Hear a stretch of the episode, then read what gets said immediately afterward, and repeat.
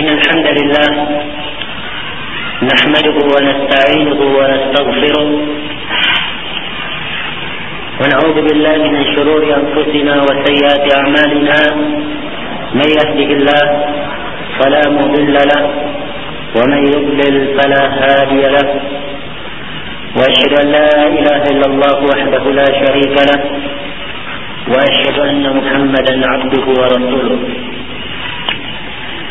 يا أيها الذين آمنوا اتقوا الله حق تقاته ولا تموتن إلا وأنتم مسلمون. يا أيها الناس اتقوا ربكم الذي خلقكم من نفس واحدة وخلق منها زوجها وبث منهما رجالا كثيرا ونساء واتقوا الله الذي تساءلون به والأرحام إن الله كان عليكم رقيبا. يا أيها الذين آمنوا اتقوا الله وقولوا قولا سديدا يصلح لكم آمالكم ويغفر لكم ذنوبكم ومن يطع الله ورسوله فقد فاز فوزا عظيما أما بعد. فإن أصدق الحديث كتاب الله وخير الهدي هدي محمد صلى الله عليه وآله وسلم وشر الأمور محدثاتها فإن كل محدثة بدعة وكل بدعة ضلالة وكل ضلالة في النار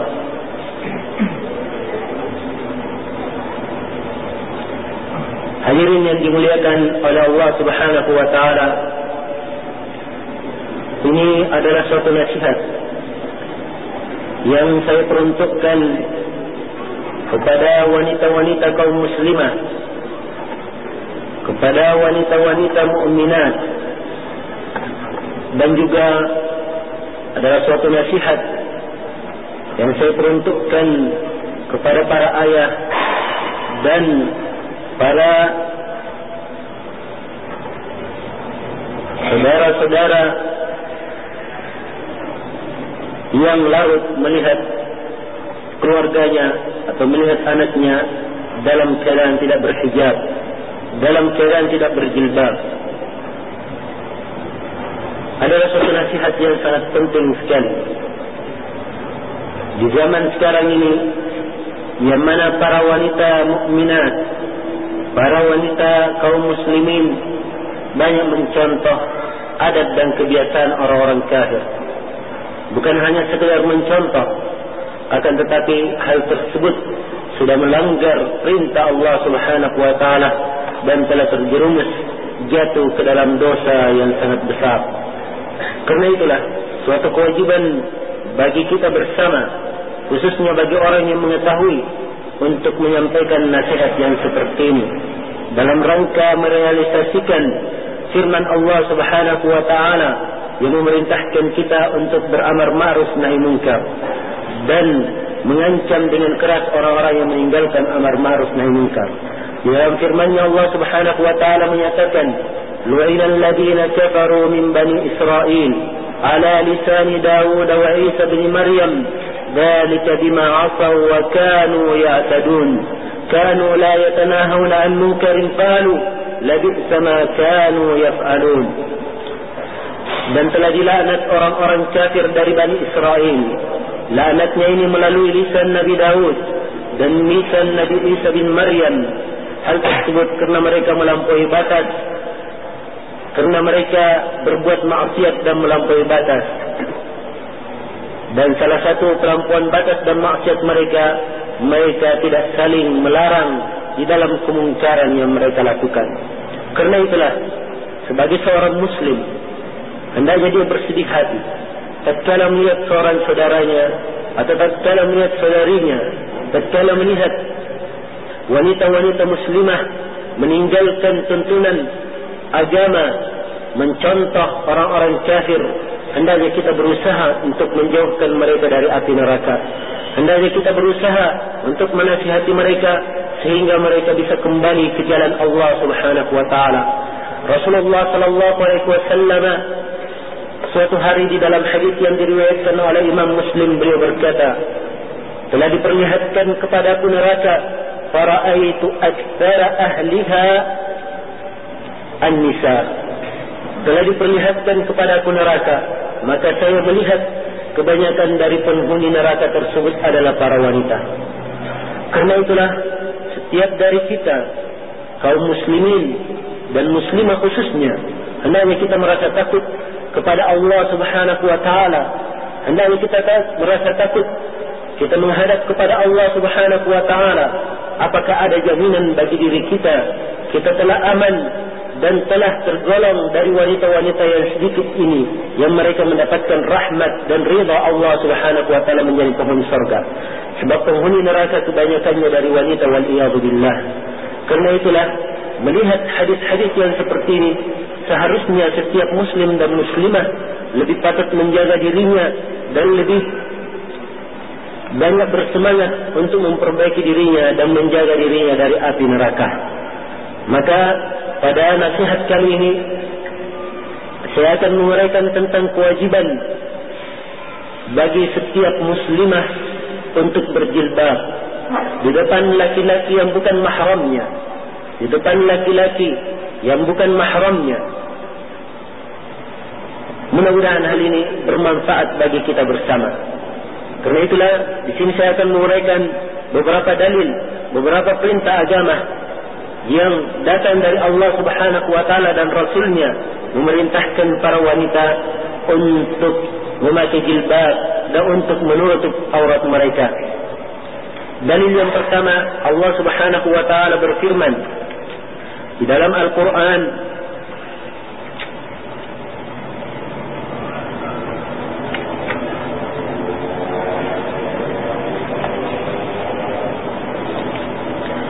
dalam Al-Quran dalam surah An-Nur ayat 31 Allah Subhanahu wa taala menyatakan wa qul lil mu'minati yaghdudna min absarihinna wa yahfazna furujahunna wa la yubdina zinatahunna illa ma dhahara minha وليضربن بخمرهن على جيوبهن ولا يبدين زينتهن إلا لبؤولتهن أو آبائهن أو آباء بؤولتهن أو أبنائهن أو أبناء بؤولتهن أو إخوانهن أو بني إخوانهن أو بني أخواتهن أو نسائهن أو ما ملكت أيمانهن أو التابعين غير أولي الإربة من الرجال أي الطفل الذين لم يظهروا على أورات النساء ولا يضربن بأرجلهن ليعلم ما يخفين من زينتهن وتوبوا إلى الله جميعا أيها المؤمنون لعلكم تفلحون dan katakanlah wahai Muhammad kepada para wanita mukminah hendaknya mereka menundukkan pandangan-pandangan mereka dan hendaknya mereka menjaga kemaluan-kemaluan mereka wala yubdina zinatahun dan janganlah mereka menampakkan zina mereka menampakkan perhiasan mereka illa ma zahara minha kecuali apa yang biasa nampak. wal yadribna bi khumurihinna ala juyubihin dan hendaknya mereka memasang khumur mereka. Dan khumur adalah sesuatu yang menutupi kepala. Ya. Hendaknya mereka memasang apa-apa yang khumurihinna ala juyubihinna di atas juyubihinna ya. Di dada-dada mereka wala yubdina zinatahun illa li bu'ulatihinna dan janganlah mereka menampakkan perhiasannya kecuali kepada suami-suami mereka. Atau abaihinna atau kepada ayah-ayah mereka. Atau abai bu'ulatihin atau kepada ayah-ayah suami mereka. Atau abnaihinna atau kepada anak-anak mereka. Atau abnai bu'ulatihinna atau kepada anak-anak suami mereka. Atau ikhwanihinna atau kepada saudara-saudara laki-laki mereka. Atau bani akhwanihinna atau kepada anak-anak saudara laki-laki saudara laki-laki mereka atau bani akhwatihinna atau kepada anak-anak saudara-saudara perempuan mereka. Atau nisaihinna atau kepada para wanita kaum mukminin.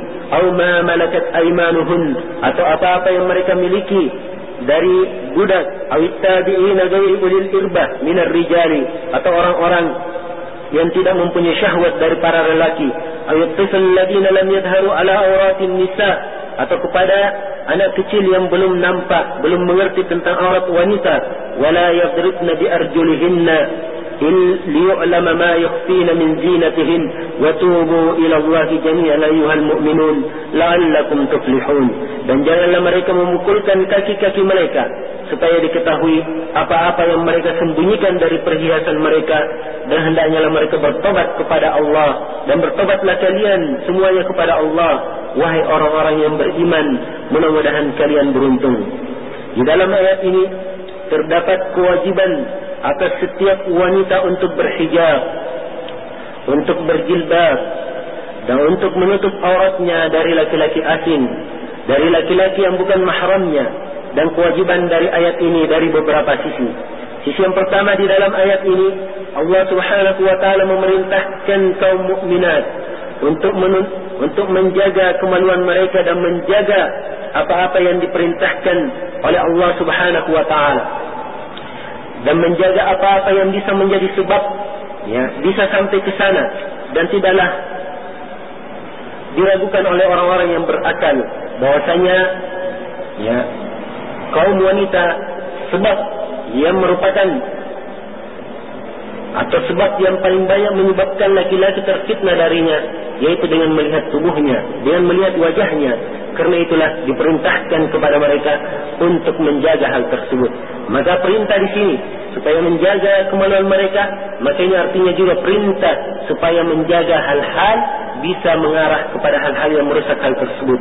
Sebab Rasulullah sallallahu alaihi wasallam yang menyatakan bahwasanya tatkala wajah wanita ini merupakan pusat keindahan ya maka harusnya dia menjaganya ya maka Rasulullah sallallahu alaihi wasallam menyatakan di dalam hadis beliau wal aynani tazniyani wa zinahuma an-nazar dan dua mata wanita dan dua mata itu berzina.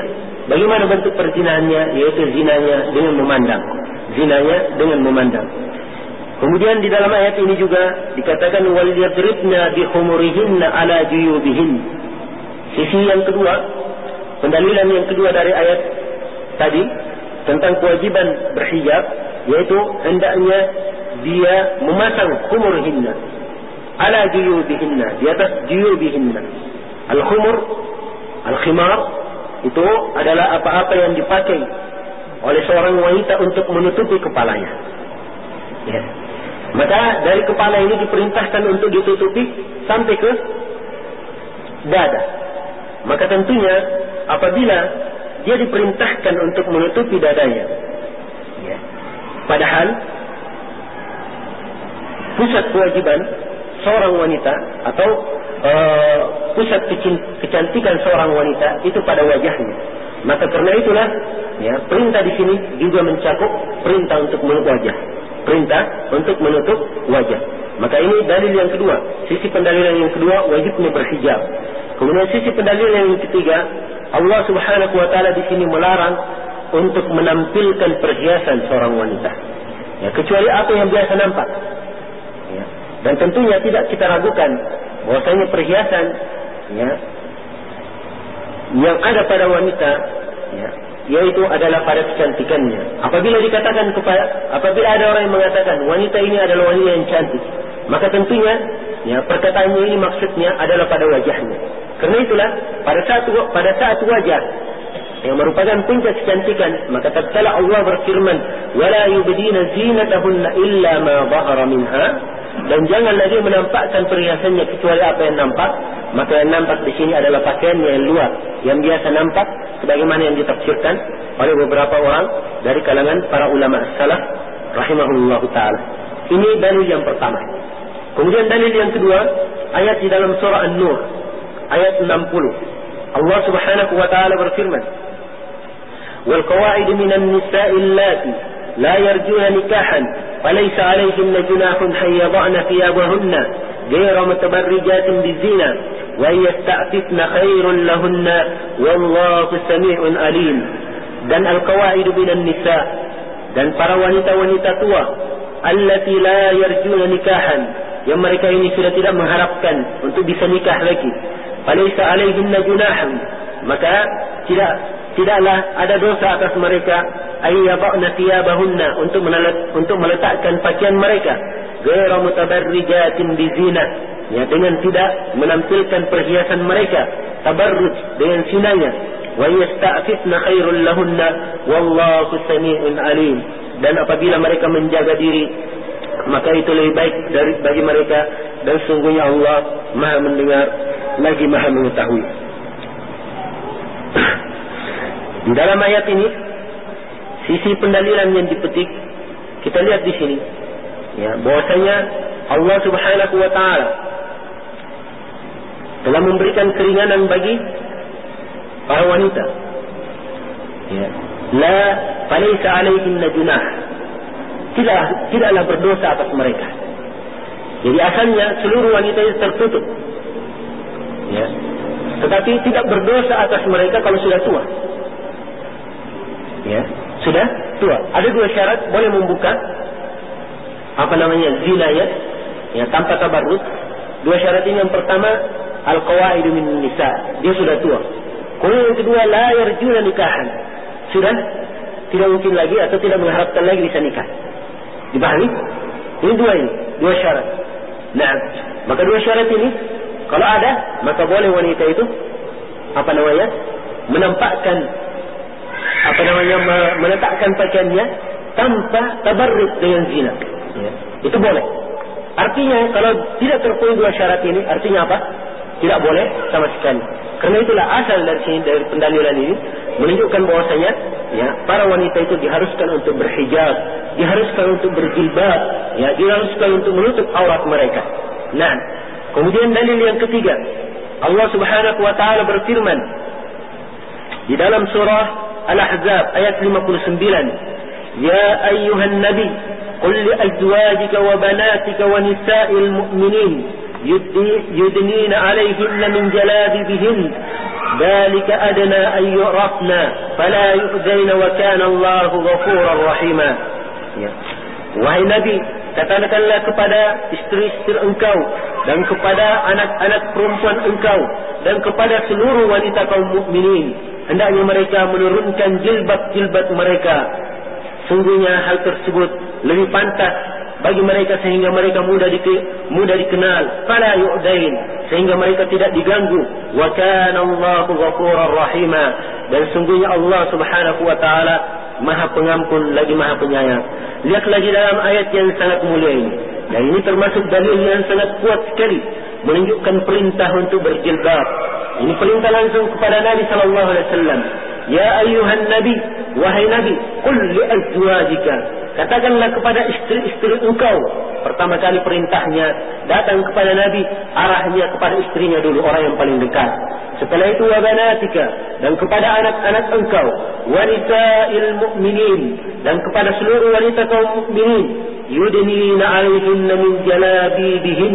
Hendaknya mereka menurunkan kepada mereka jilbab-jilbab mereka adna dalika adna ayyurafna hal tersebut supaya mereka lebih mudah untuk dikenal. Fala yu'dain. Faida dari orang yang memakai jilbab Allah Subhanahu wa taala menjamin mereka ini tidak akan diganggu. Ya tidak? Fala yu'dain.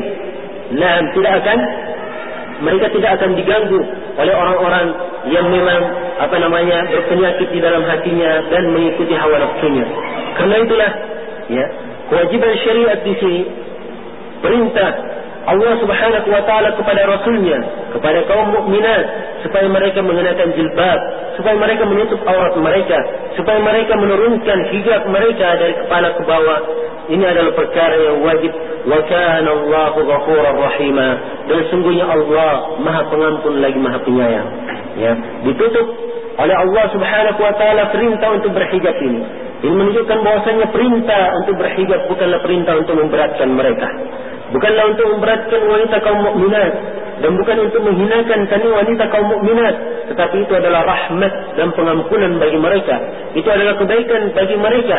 Karena itu ditutup di akhir ayat wa kana Allahu ghafurur rahima. Dan sungguhnya Allah Maha Pengampun lagi Maha merahmati. Dan itu adalah rahmat dan kemuliaan bagi engkau wahai wanita muslimin apabila engkau berjilbab, apabila engkau menutup auratmu sebagaimana yang difirmankan atau yang diperintahkan oleh Allah Subhanahu wa taala. Kemudian dalil yang keempat tentang perintah untuk berjilbab dari Al-Quran yaitu dalam surah Al-Ahzab ayat 55 Allah subhanahu wa ta'ala berfirman لا جناها fi في wa ولا أبنائهن ولا إخوانهن ولا أبناء إخوانهن ولا أبناء أخواتهن ولا نسائهن إلا ما ملكت أيمانهن واتقين الله واتقين الله إن الله كان على كل شيء شهيدا dan tidak ada dosa atas mereka kalau mereka menampakkan perhiasannya menampakkannya kepada orang-orang tuanya kepada ayah-ayahnya atau kepada anak-anaknya dan juga kepada saudara-saudara laki-laki mereka atau kepada anak-anak saudara laki-laki mereka atau kepada anak-anak saudara perempuan mereka atau kepada wanita-wanita kaum mukminin dan juga kepada budak-budak mereka. Dan hendaknya lah kalian bertakwa dan hendaknya lah para wanita itu bertakwa kepada Allah. Sungguhnya Allah Subhanahu wa taala atas segala sesuatu Maha menyaksikan Maha mengetahui. Berkata Al-Hafidz Ibnu Katsir rahimahullahu taala ya di sini Allah Subhanahu wa taala memerintahkan wanita muslimat ya kaum para wanita bil, bil hijabi anil ajanib supaya mereka berhijab dari orang-orang asing, dari orang-orang yang bukan mahramnya. Nah, dari orang-orang yang bukan mahramnya dan diperkecualikan dari situ empat orang yang disebutkan di dalam ayat ini dan telah disebutkan beberapa yang lainnya di dalam surah An-Nur tadi. Nah, maka sisi penaliran dari ayat ini sangat tegas sekali menunjukkan kewajiban berhijab, berjilbab bagi setiap wanita muslimah. Kemudian dalil dari sunnah Rasulullah sallallahu alaihi wasallam. Ya. Diriwayatkan oleh Imam Al-Bukhari dan Imam Muslim. Bahwasanya Rasulullah sallallahu alaihi wasallam beliau tatkala memerintahkan para wanita supaya mereka salat Id di lapangan. Maka para wanita berkata, "Ya Rasulullah, ihdana la yakunu laha jilbab." Ya, bagaimana kalau salah seorang dari wanita di kalangan kami tidak ada jilbabnya, tidak mempunyai jilbab? Faqala Nabi sallallahu alaihi wasallam maka Nabi sallallahu alaihi wasallam bersabda, "Litalbasha ukhtuha min jilbabiha." Hendaknya lah saudaranya ya, saudaranya memberikan jilbabnya kepada dia. Lihat di sini wanita ini tatkala diperintahkan untuk keluar ke lapangan pada hari itu. Ya. Dikatakan ya Rasulullah, bagaimana kalau enggak ada jilbabnya? Beliau tidak katakan, ya sudah kalau tidak ada jilbab keluar saja. Tetapi beliau katakan, hendaknya saudara perempuan yang lain memberikan jilbab kepadanya. Ini menunjukkan bahwasanya kewajiban berjilbab ini adalah kewajiban yang terus menerus bersama seorang muslimah pada setiap keadaan. Kemudian di dalam hadis yang diriwayatkan oleh Imam Al-Bukhari dan Imam Muslim dari hadis Aisyah Rasulullah sallallahu alaihi wasallam apa kata Aisyah kana Rasulullah sallallahu alaihi wasallam yusalli al-fajr فيشهد معه نساء من المؤمنات متلففات بمروطهن ثم يرجعن إلى بيوتهن ما يعرفهن أحد من الغلاس ya.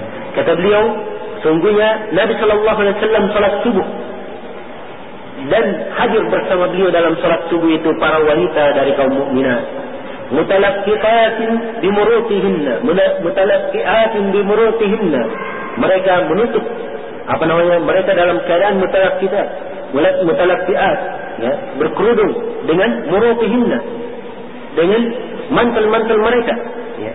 Ila buyutihinna wa ma ya'rifuhunna ahadun min al-ghalab kemudian mereka kembali ke rumah-rumah mereka dan tidak seorang pun yang mengetahui para wanita yang datang itu karena masih gelap lihatlah di sini bagaimana kaum mukminat ya mereka tatkala keluar Hadir salat subuh juga dalam keadaan berhijab, ya, dalam keadaan berjilbab. Dan itu pun datang dalam keadaan gelap, waktu masih gelap. Ya. Kemudian setelah selesai salam, langsung mereka pergi keluar. Dan meninggalkan dan tidak ada seorang pun yang mengenali mereka. Ini menunjukkan kewajiban atas setiap muslimah untuk berhijab, untuk berjilbab dan menjaga auratnya dari pandangan laki-laki yang bukan mahramnya. Dari pandangan laki-laki yang bukan mahramnya. Demikianlah kewajiban berjilbab. Di dalam hadis-hadis Rasulullah sallallahu alaihi wasallam. Dan juga di dalam apa namanya ayat-ayat Al-Quran yang telah kita sebutkan bersama. Dan seluruh hal ini memberikan faedah kepada kita wajibnya para wanita itu untuk menutup auratnya. Dan wajibnya para wanita itu untuk menjaga hijabnya di depan laki-laki asing. Karena itulah hendaknya setiap ya, dari kaum muslimah menyadari bahwasanya Allah Subhanahu wa taala mewajibkan atas dirinya untuk mengenakan jilbab. Tidak usah takut dengan ocehan orang-orang yang mengoceh. Tidak usah takut ya dengan perkataan-perkataan orang-orang yang mengatakan kamu kalau memakai jilbab maka lapangan kerja bagi kamu akan kurang. Tidak usah takut dengan perkataan-perkataan orang-orang yang mengatakan kamu kalau memakai jilbab maka engkau akan apa namanya tidak banyak yang menyenangi kamu. Sungguh apabila seorang itu bertakwa kepada Allah Subhanahu wa taala maka Allah akan membukakan jalan kebaikan kepadanya. Wa man yattaqillaha yaj'al lahu makhrajan wa yarzuqhu min haitsu la yahtasib. Dan barang siapa yang bertakwa kepada Allah, maka Allah akan membukakan untuknya jalan keluar dan dia akan diberi rezeki dari arah yang tidak disangka-sangka.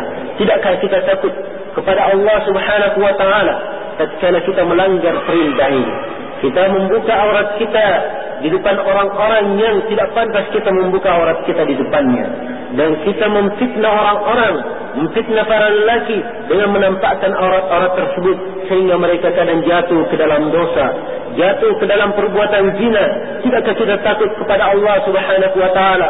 Secara kita datang menghadap kepada Allah Subhanahu wa taala dalam keadaan kita mempertanggungjawabkan dosa yang kita ini menjadi sebab kenapa orang-orang itu jatuh ke dalam perbuatan zina karena aurat yang ditampakkan dari diri-diri para wanita.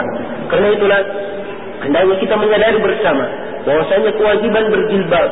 Ini adalah kewajiban syariah yang harus kita jaga dan harus dilaksanakan oleh setiap muslimah. Yang menghendaki kebaikan di dunia dan di akhirat. Yang yang menghendaki kebaikan di dunia dan di akhirat. Dan hendaknya kita ingat bersama Rasulullah sallallahu alaihi wasallam telah mengancam orang-orang yang tidak berjilbab, orang-orang yang menutup sebagian auratnya dan membiarkan sebagian yang lain.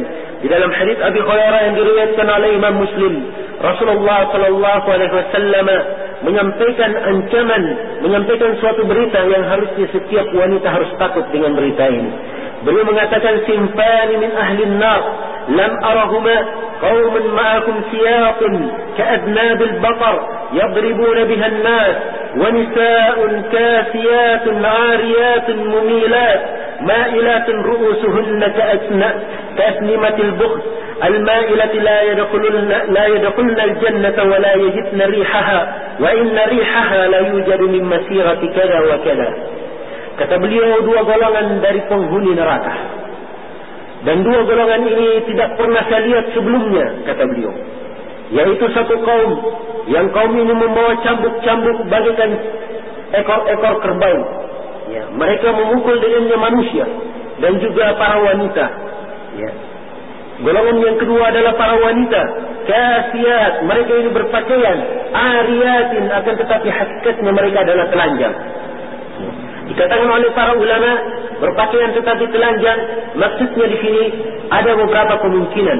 Mungkin kemungkinannya dia menutup sebagian auratnya membiarkan terbuka sebagian yang lain.